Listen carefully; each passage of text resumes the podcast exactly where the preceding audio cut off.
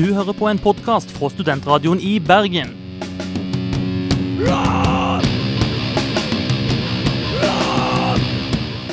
Denne og mange andre flotte podkaster finner du på podkast.srib.no.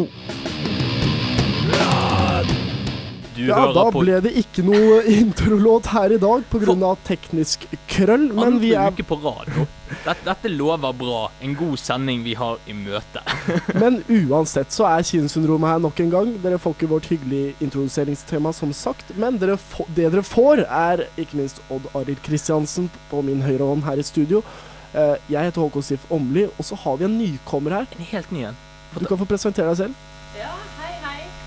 Eh, mitt navn er Kaja. Jeg er så heldig å være med her i dag. Ja. Hva er din, uh, ditt forhold til film? Kan du ikke fortelle litt om det? Jeg er veldig glad i film, da. Uh, jeg har ikke noen sånne spesielle sjanger som jeg liker, men jeg har sjanger som jeg ikke liker. Sånn som f.eks. action og uh, sci-fi.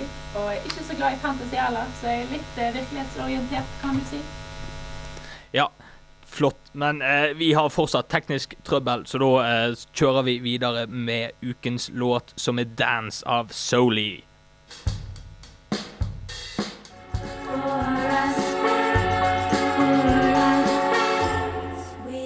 With a stance, with a stance, with a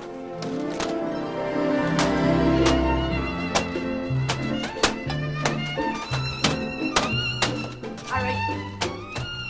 Harry. What? It's an inanimate fucking object. You're an inanimate fucking object!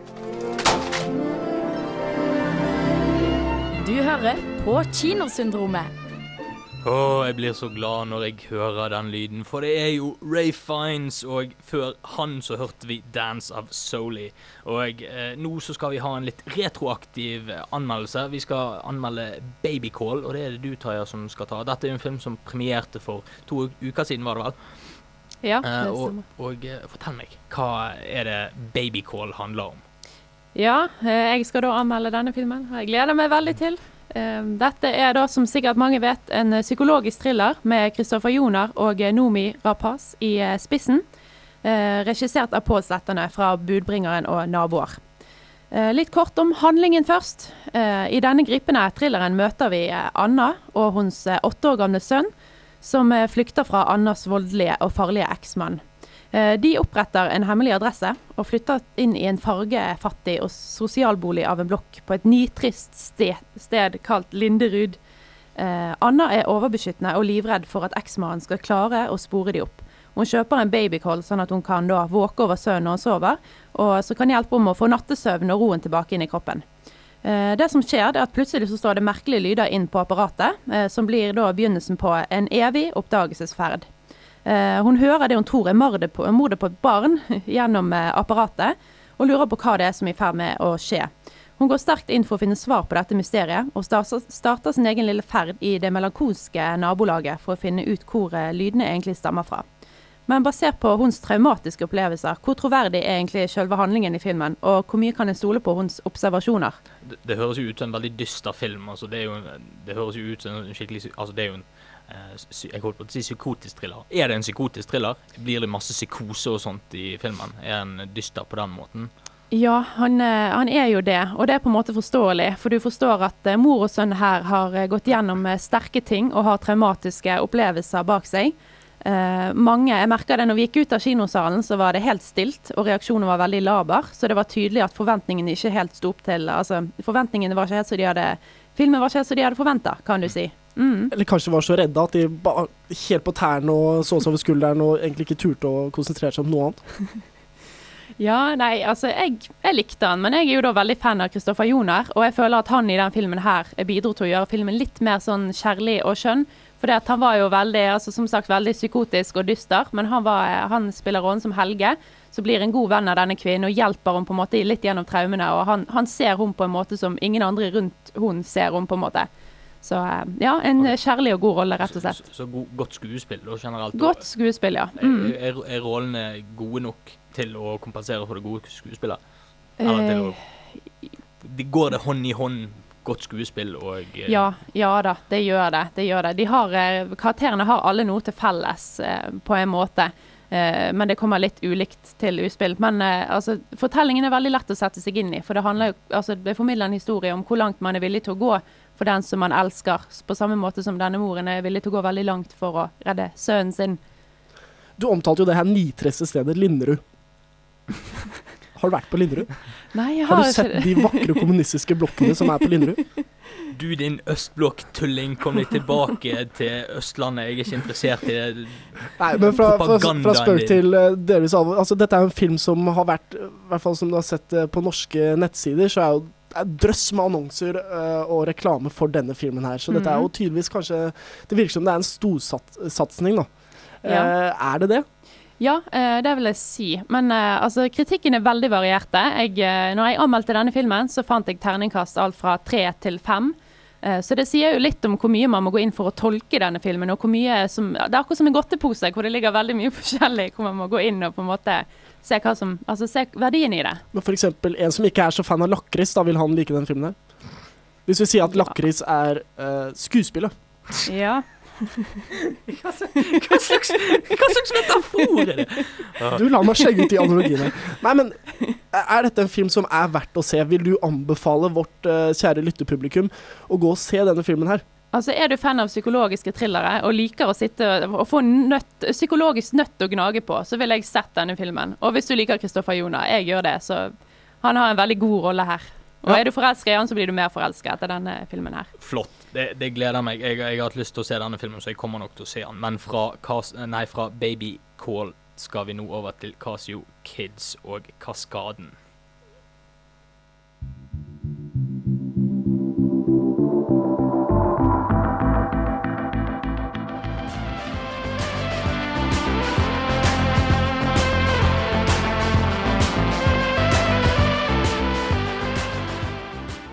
Jewish day of rest. That means I don't work. I don't won't drive a car. I don't fucking ride in a car. I don't handle money. I don't turn on the oven. And I sure as shit don't fucking roll! Jesus in the man!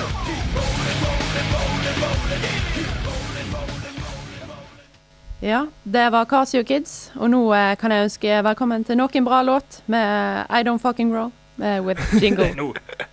Nå, er Christian Voldnes her i studio, og du Christian Voldnes, du har sett den tredje filmen i en triologi som startet som en lavbudsjettsfilm à la Blair Witch Project. Kan folk gjette hva det er? eh, eh, et, et kjapt spørsmål, en liten digresjon. Er filmen vi skal snakke om nå, er det vold i den? Vold, nes, vold. det er så jævlig morsomt. Ja, der er, der er, der er vold. Fordi dette er ingen annen enn Paranormal Activity 3. Det er det, og her får vi håper jeg kunne like godt kalt den Paranormal Activity The Beginning. Eh, det er, vi får se de to jentene som vi ser i voksenversjon. Cr- Christy og um, Katie, som vi setter de to inn i filmene, blir um, heimsøkt, eller hjemsøkt, som det heter så fint. Um, for i denne filmen så møter vi på de småjentene, og unger i film er alltid gøy. Christy har nemlig fått seg en imaginær venn som heter Toby, som viser seg å være alt annet enn et fantasifoster etter hvert som filmen Toby Tobey Maguire og Spiderman. Ikke sant? det, det var det jeg også tenkte! Det er like mye action her som i Spiderman, om ikke mer. På, til og med på et tidspunkt så dette hele jævla kjøkkenet ned fra taket. Gjett om jeg kjipt meg. Mm, Kjøkkenet detter ned fra taket. hva, Ja. hva gjorde kjøkkenet på taket? Uh, whatever's in the house. Og bare løfta alle, alle Alle ting som ikke var liksom skrudd fast i veggen, opp og bare slapp det ned. Ja.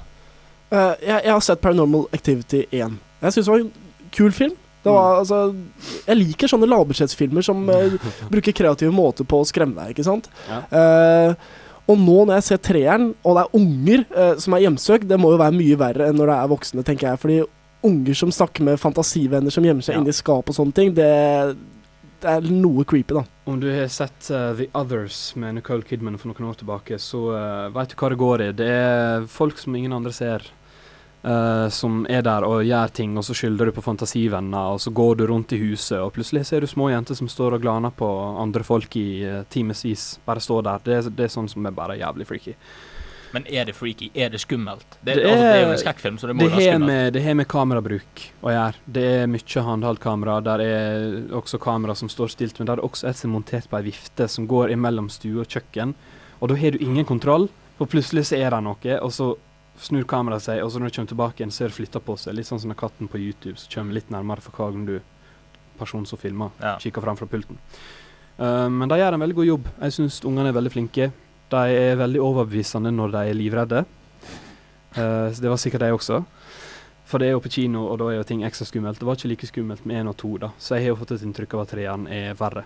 Ja. Men uh, den Kan- gir Unnskyld for å avbryte, men kan det ha noe med at det er små barn? Ja.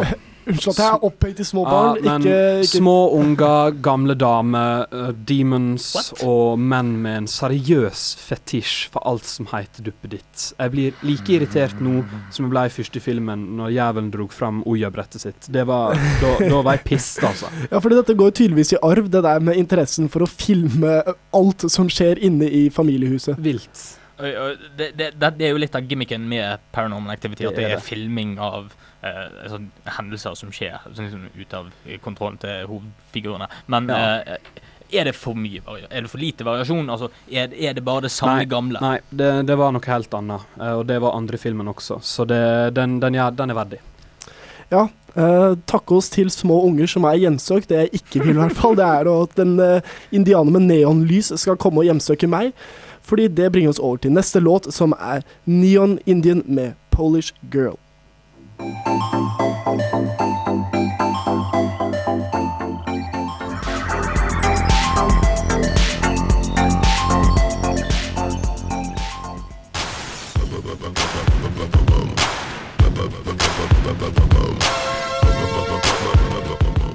Jeg heter altså Tor Fosse og er eh, sjef for eh, filmfestivalen Bergen som eh, går under betegnelsen BIFF.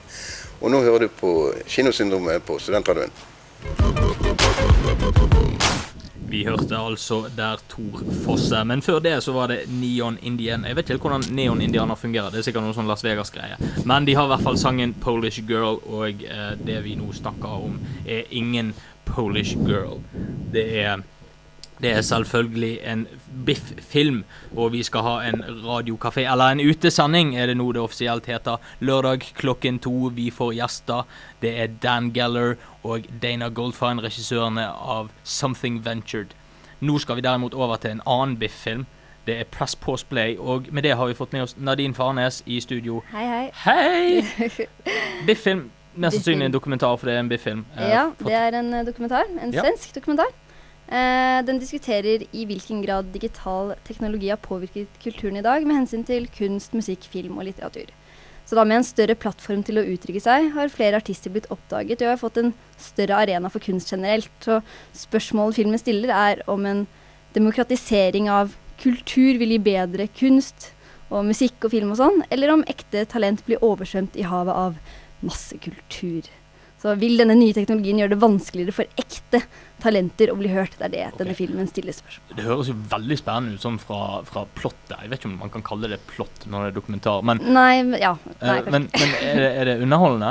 Altså det, det lider jo kanskje dokumentarer litt av at det kan bli mye fakta, litt sånn kjedelig og traurig fordi at Ja. det blir veldig mye fakta og sånn. Ja, det blir mye fakta. Eller ikke fakta, men mer sånn derre folk sine meninger. Vi får jo eh, høre fra Robin, svenske artisten Robin. Litt fra Lykke Li og Moby og Hot Chip, da. Og folk som liksom forteller sine meninger og hva de syns, og hvordan de har vokst opp i en digitalisert verden, da. Eh, og folk fra Last FM eh, og Behance Network som jobber med å fremme kultur og fremme kunst og fremme musikk. Eh, så den, den har veldig mange forskjellige sånne points, da, eller perspektiver, og viser folk som har en historie å fortelle, så den blir ikke kjedelig. Ok. Det gjør den ikke. Men, men så er, er argumentene og poengene er de eh, velbalansert, og så får alle sider i debatten sagt sitt? Eller er det sånn at du bare hører de som, eh, disse sosiale medier-guruene som de som står bak Lars til fem og alt dette her, får du bare høre én type folks perspektiv? Eh, Du får kanskje høre det mest negative.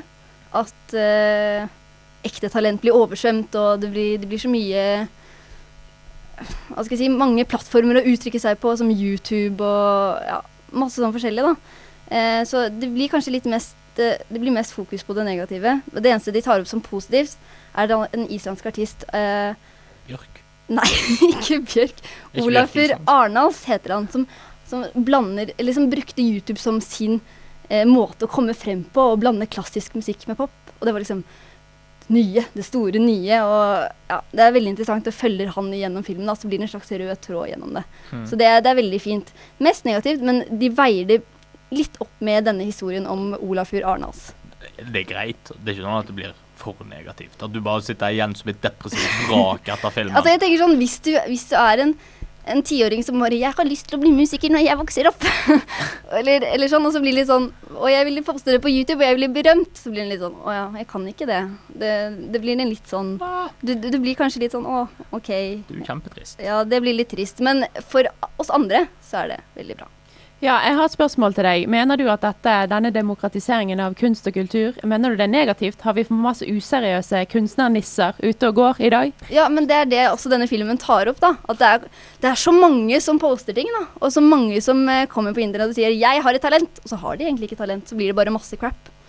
Eh, ja. Men, men hvordan er en sånn dokumentar? Sånn avslutningsvis, hva, er, er Fungerer den som en dokumentar? ja, den fungerer som en dokumentar. Den har, den har intervjuer, den har, eh, viser folk som har en historie, den eh, viser konserter. Den, den har et mangfold av ting, og vi blir interesserte, og vi, vil, ja, vi liker denne filmen. Så det er da en film som både underholder og forteller oss noe nytt. Og tar han, med, tar han oss med på en reise? Han gjør kanskje det. Vi skal i hvert fall nå på en reise med We Ask You To Ride av Wooden Sheep.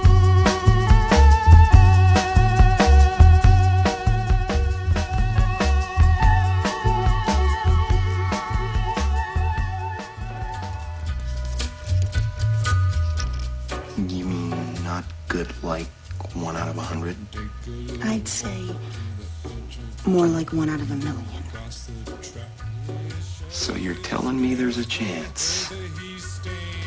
Green paper in his red right hand. Ja, der hørte vi akkurat Wooden Ships med We Ask You To Ride. Og her om dagen så ble eh, Nordisk filmlitteraturpris 2011 offentliggjort, og den gikk til den svenske filmen Skyggesiden, siden, unnskyld, Skyggesiden, som er regissert av Pernilla August, framfor vår alles Oslo 31. august. Hvordan, hvordan er dette mulig? Det, altså, Oslo 31. august er jo sånn kronverk på nordisk altså norsk kunst. Det er jo det beste vi har laget noen gang. Og det sa også direktøren for Norsk Filmfond. Hun var kjempeskuffet for at ikke Oslo 31. 31. august, her går tunga litt fort, uh, gikk helt til topps. Til tross for at den fikk mange, mange gode terningkast her hjemme i Norge. Uh, men det skal tas over på en annen diskusjon, nemlig terningkast. For det har vært helt vanlig å bruke poengskaller i filmanmeldelser i andre land. Men i motsetning til norske aviser, der vi for, f- som oftest opererer med terningkast, brukes i andre lands skala fra 1 til 5, 1 til 10 og 1 til 3, som for øvrig var den første brukte poengskalaen i filmanmeldelseshistorien.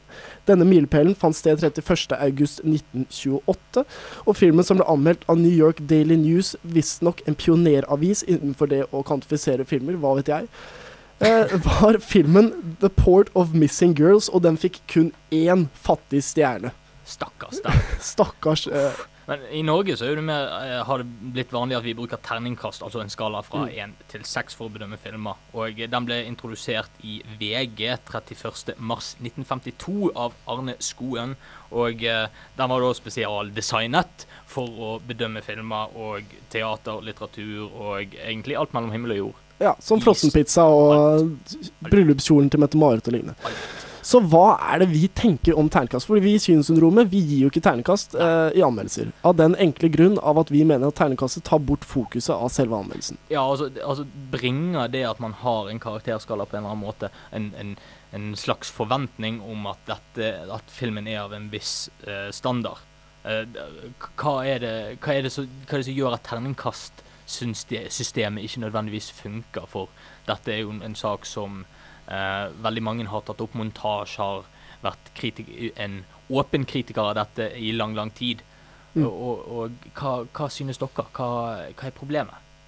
Problemet er at altså jeg mener at alle skal få Hvis man liker en film, så skal man få lov til å si det høyt. Og det er veldig sånn i dag at eh, hvis ikke du liker eh, de typiske Oscar-filmene, da, som eh, filmkritikerne roser i skyene, så er du på en måte ikke en av gutta. Når jeg sa det at jeg liker filmen til Britney Spears, 'Crossroads', så fikk jeg veldig reps for det. Og når jeg sier at jeg ikke liker 'Ringenes herre', så får jeg høre det da òg. Så det er liksom aldri godt nok.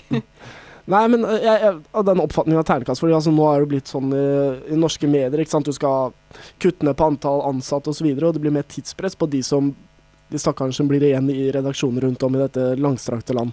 Uh, og vi ser jo det i avisene hver eneste torsdag, at anmeldelsene er for alt fra to til tre avsnitt, ikke sant, og 50 er et handlingsreferat. og det er, ikke noe, det er ikke noe analyser av filmen, ikke sant? så det som kommer i fokus, det er den terningen som står først i anmeldelsen. Det, det er jo akkurat det som en blogger på montasje sa òg, at, eh, at ah, du mangler de filmfaglige kunnskapene for å rettferdiggjøre den karakteren som blir gitt. Og ikke minst som Erlend Lo eh, skrev i dagens Aftenposten. Absolutt. Eh, og eh, da, det stiller jo et spørsmål. altså Er det selve anmeldelsen det, det, det mangler på? Er det det at selve anmeldelsen ikke korresponderer med karakteren filmen får? Spør du meg? Jeg spør alle. Så spør jeg deg. Norge, er det dette som er problemet?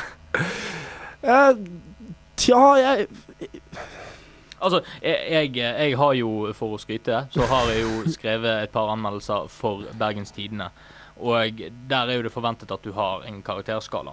Og det blir da eh, Det blir da eh, et, eh, litt vanskelig å sette karakter på noe, fordi at du har en begrensning på hvor mye du kan skrive og beskrive, og du får ikke gjort din analyse fullt ut. Så kan jeg da spørre, du med denne her fantastiske modne og den, den erfaringen som du har opparbeidet deg i uh, Vår alles BT, hva er det du ser på som en sekserfilm?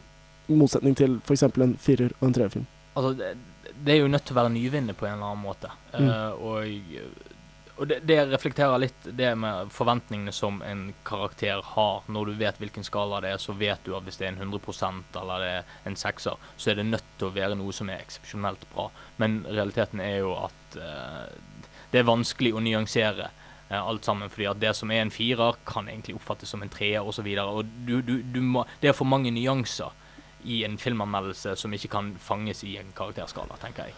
Problemet med anmeldelse, uansett hva det er, eh, så er det jo det at det er subjektivt. Ikke sant? Eh, alt er subjektivt, men du får mye klare fram den subjekt subjektiviteten dersom det er en lang anmeldelse uten karakter, enn dersom det er en kort anmeldelse med karakter. Fordi har du en kort anmeldelse, med karakter, så vil folk forvente at dette er en sekserfilm dersom filmen har fått en sekser. I motsetning til hvor du har en lang anmeldelse, karakterskalaen er utelatt, og man får pro og kontra angående anmeldelse. Og det, det har jo noe med brukervennlighet. Altså, det er mye enklere om man har korte avsnitt, små poeng osv. For det er enklere å ta inn istedenfor lange, lange avhandlinger. Ja. Så det man egentlig kan si, er jo det at filmanmeldelsene er nødt til å gjøre et kvantesprang videre for at de skal fungere sånn som det skal. Og med det så skal vi høre Jon Maus og Quantum Leap.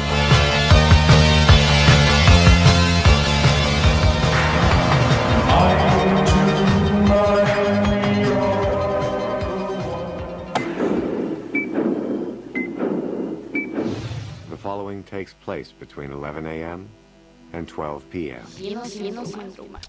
Det er helt korrekt. Du hører på Kinosyndromet her på Studentradioen i Bergen, på Nygårdshøyden, rett ved Nygårdsparken.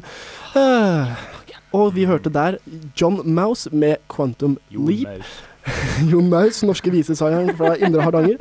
Eh, nå skal vi over til en anmeldelse av en film du har sett, Odd Arild Kristiansen, og det er ingenting enn The Last Mountain, Det siste fjell. The Last Mountain. Det er da en film som vises på Biff. Han blir vist i dag, og han blir vist 26. Eh, og det handler da eh, om, eh, om eh, om Appalachie-fjellkjeden i USA, som blir sprengt i fillebiter av Massey Energy, og vi følger egentlig da Robert eh, R. Kennedy, sønn av en eller annen Kennedy.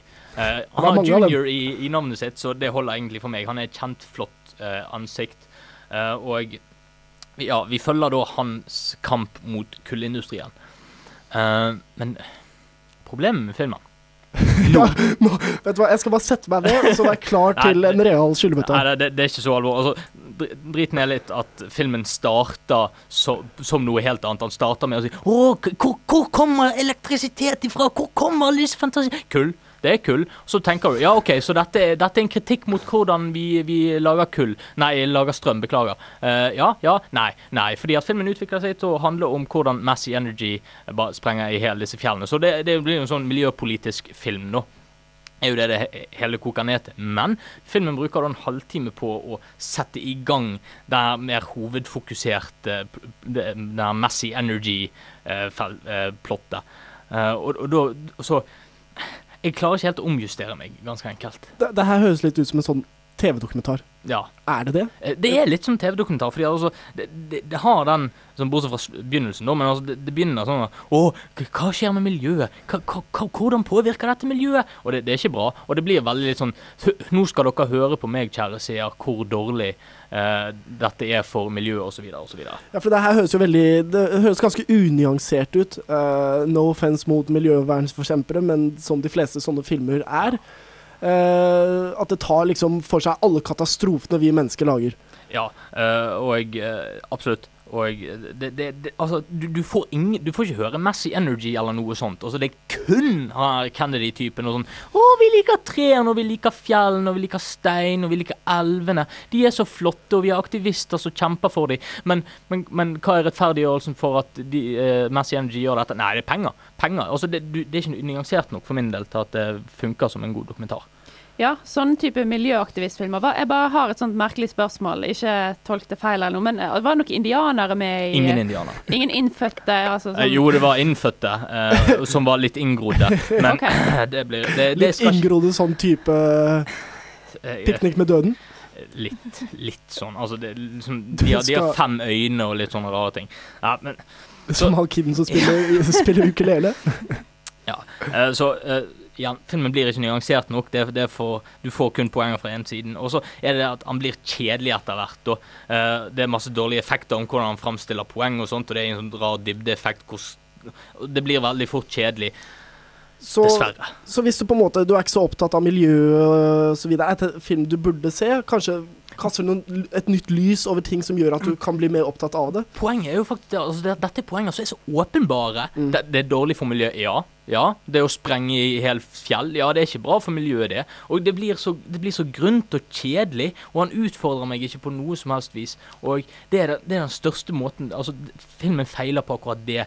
Så Lance Mountain Ikke akkurat en innertier for eh, ikke, en, ikke en god start for Biff denne, dette året, for min del, dessverre. Men ja, sånn helt til slutt. Skal vi være med på dette spillet? Dette miljøvernaktivistspillet? Nei. Nei. Men det er i hvert fall ukas låt, som er av artisten Pelbo med 'Join Their Game'.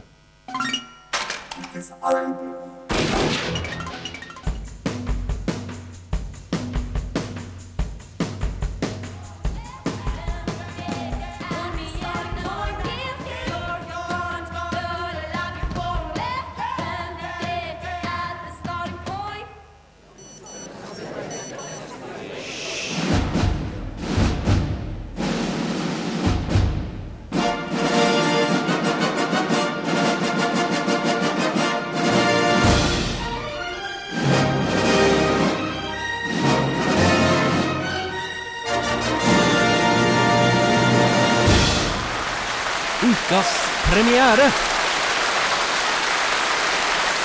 Men er det klart for ukas premiere her på Kinesyndromet på Studentradioen i Bergen. Før det så hørte vi Pelbo med 'Join Their Game', og her i studio nå så har vi fått besøk av vår alles Andreas Hadsel Opsvik. Og du skal anmelde hvilken film for oss? Jeg har vært sett Drive, eh, den eh, flotte filmen som eh, Den fikk litt oppstuss her i forrige uke, noe så jeg fortsatt lurer på med et PR-stunt, men likevel.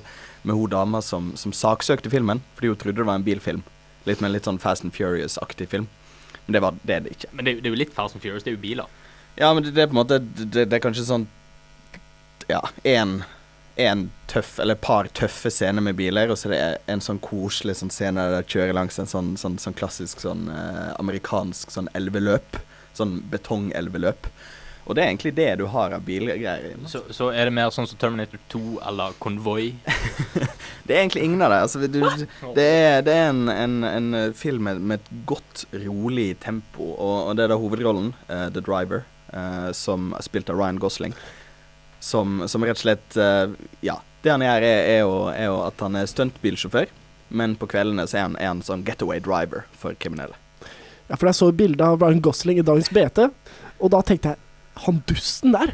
Fordi altså, Jeg forbinder ham bare med sånne Beverly Hills 90210 og sånne ting. Sånn pusefilm eh, ja, ikke sant? jeg vet ikke om han har spilt der. Det var første serien som poppa opp i hodet på meg når jeg så ansiktet hans. at Han må jo ha spilt der. Han har ikke spilt der, men han har Men hvordan er det han spiller? Han spiller helt nydelig. Og det er det som overrasker meg. Ja, nettopp. Han spiller en veldig sånn Veldig fåmælt karakter. Han sier ekstremt lite. Veldig mye som foregår på en måte sånn på det Ikke underbevisste planet, ikke fullt så ille, men eh, at, eh, at det er snakk om, om litt sånn under, under overflaten. Det er mye som forblir usagt, men som du må prøve å skjønne underveis. Og, og Nei, jeg vet ikke. Det, det er bare nydelig. Mm. Han spiller fantastisk godt. Hvilken type film er dette egentlig? For det er ikke en bilfilm. Det, er det et drama? Er det en action? Er det, en romantisk komedie? Jeg også føler at den tittelen er veldig misvisende. Ja, og det er jo igjen tittelen eh, Kunne jo sagt eh, gjerne misvisende, men så har du jo samtidig Der er jo Nicolas Winding Refn, dansken, eh, sin første sto store kommersielle eh, amerikanske film. Eh, han har jo tidligere gjort 'Pusher', som er sånn litt samme typen film. Det er på en måte Det litt harde miljø, men det er ekte personer. Og det måte Det, det føles veldig, veldig riktig, da. Veldig ekte og ordentlig. Og, og, men, men hva type film det er Det er, kan begynne som et drama, og så ender det opp med klassisk eh, Refn igjen. Det ender opp med, med blodig, eh, hard vold. Såpass, ja. Før du sa det, så fikk jeg litt assosiasjon til The Wrestler her, eh, som kom for et par år siden. Ja, wrestler, men kanskje Også en film som liksom ut ifra traileren og handlingsreferatet utga seg for å være en sånn her sukkersøt pissfilm, men som viste seg å være knallgod. Mm. Det er absolutt en, en film jeg anbefaler sterkt å få med seg. Altså, det, Gosling spiller fantastisk. Eh, Michelle Williams som hans eh, eh, love interest spiller nydelig. Og Bryan Cranston som den farsfiguren med en haltende hofte er òg en, en det, det, det bare føles ekte. Det Mm. føles veldig virkelig. Eh, altså, hvordan det føles virkelig? Altså, er, det, er det en personlig historie som er der, og som virkelig slår en, eller er det bare det at, sånn, at det, det er virkelig sånn det, det, det fremstår som virkelig som en virkelig situasjon, eller? Det er, det, er, det er ekte på den måten at, at det her er en, en hovedperson er en intenst god karakter. Eh, og han er veldig, veldig glad i denne personen, som eh, hans love interest. Og, og det her driver han til å gjøre akkurat på en måte, Det driver han så langt. Og det, det er det du får se i denne filmen. En kort konklusjon. Kort konklusjon. Uh, en av de beste filmene på kino akkurat nå. Du kan se den i dag på Biff, eventuelt òg på kinoprogrammet sånn etter hvert. Tusen takk skal du ha. That will conclude this evening's entertainment.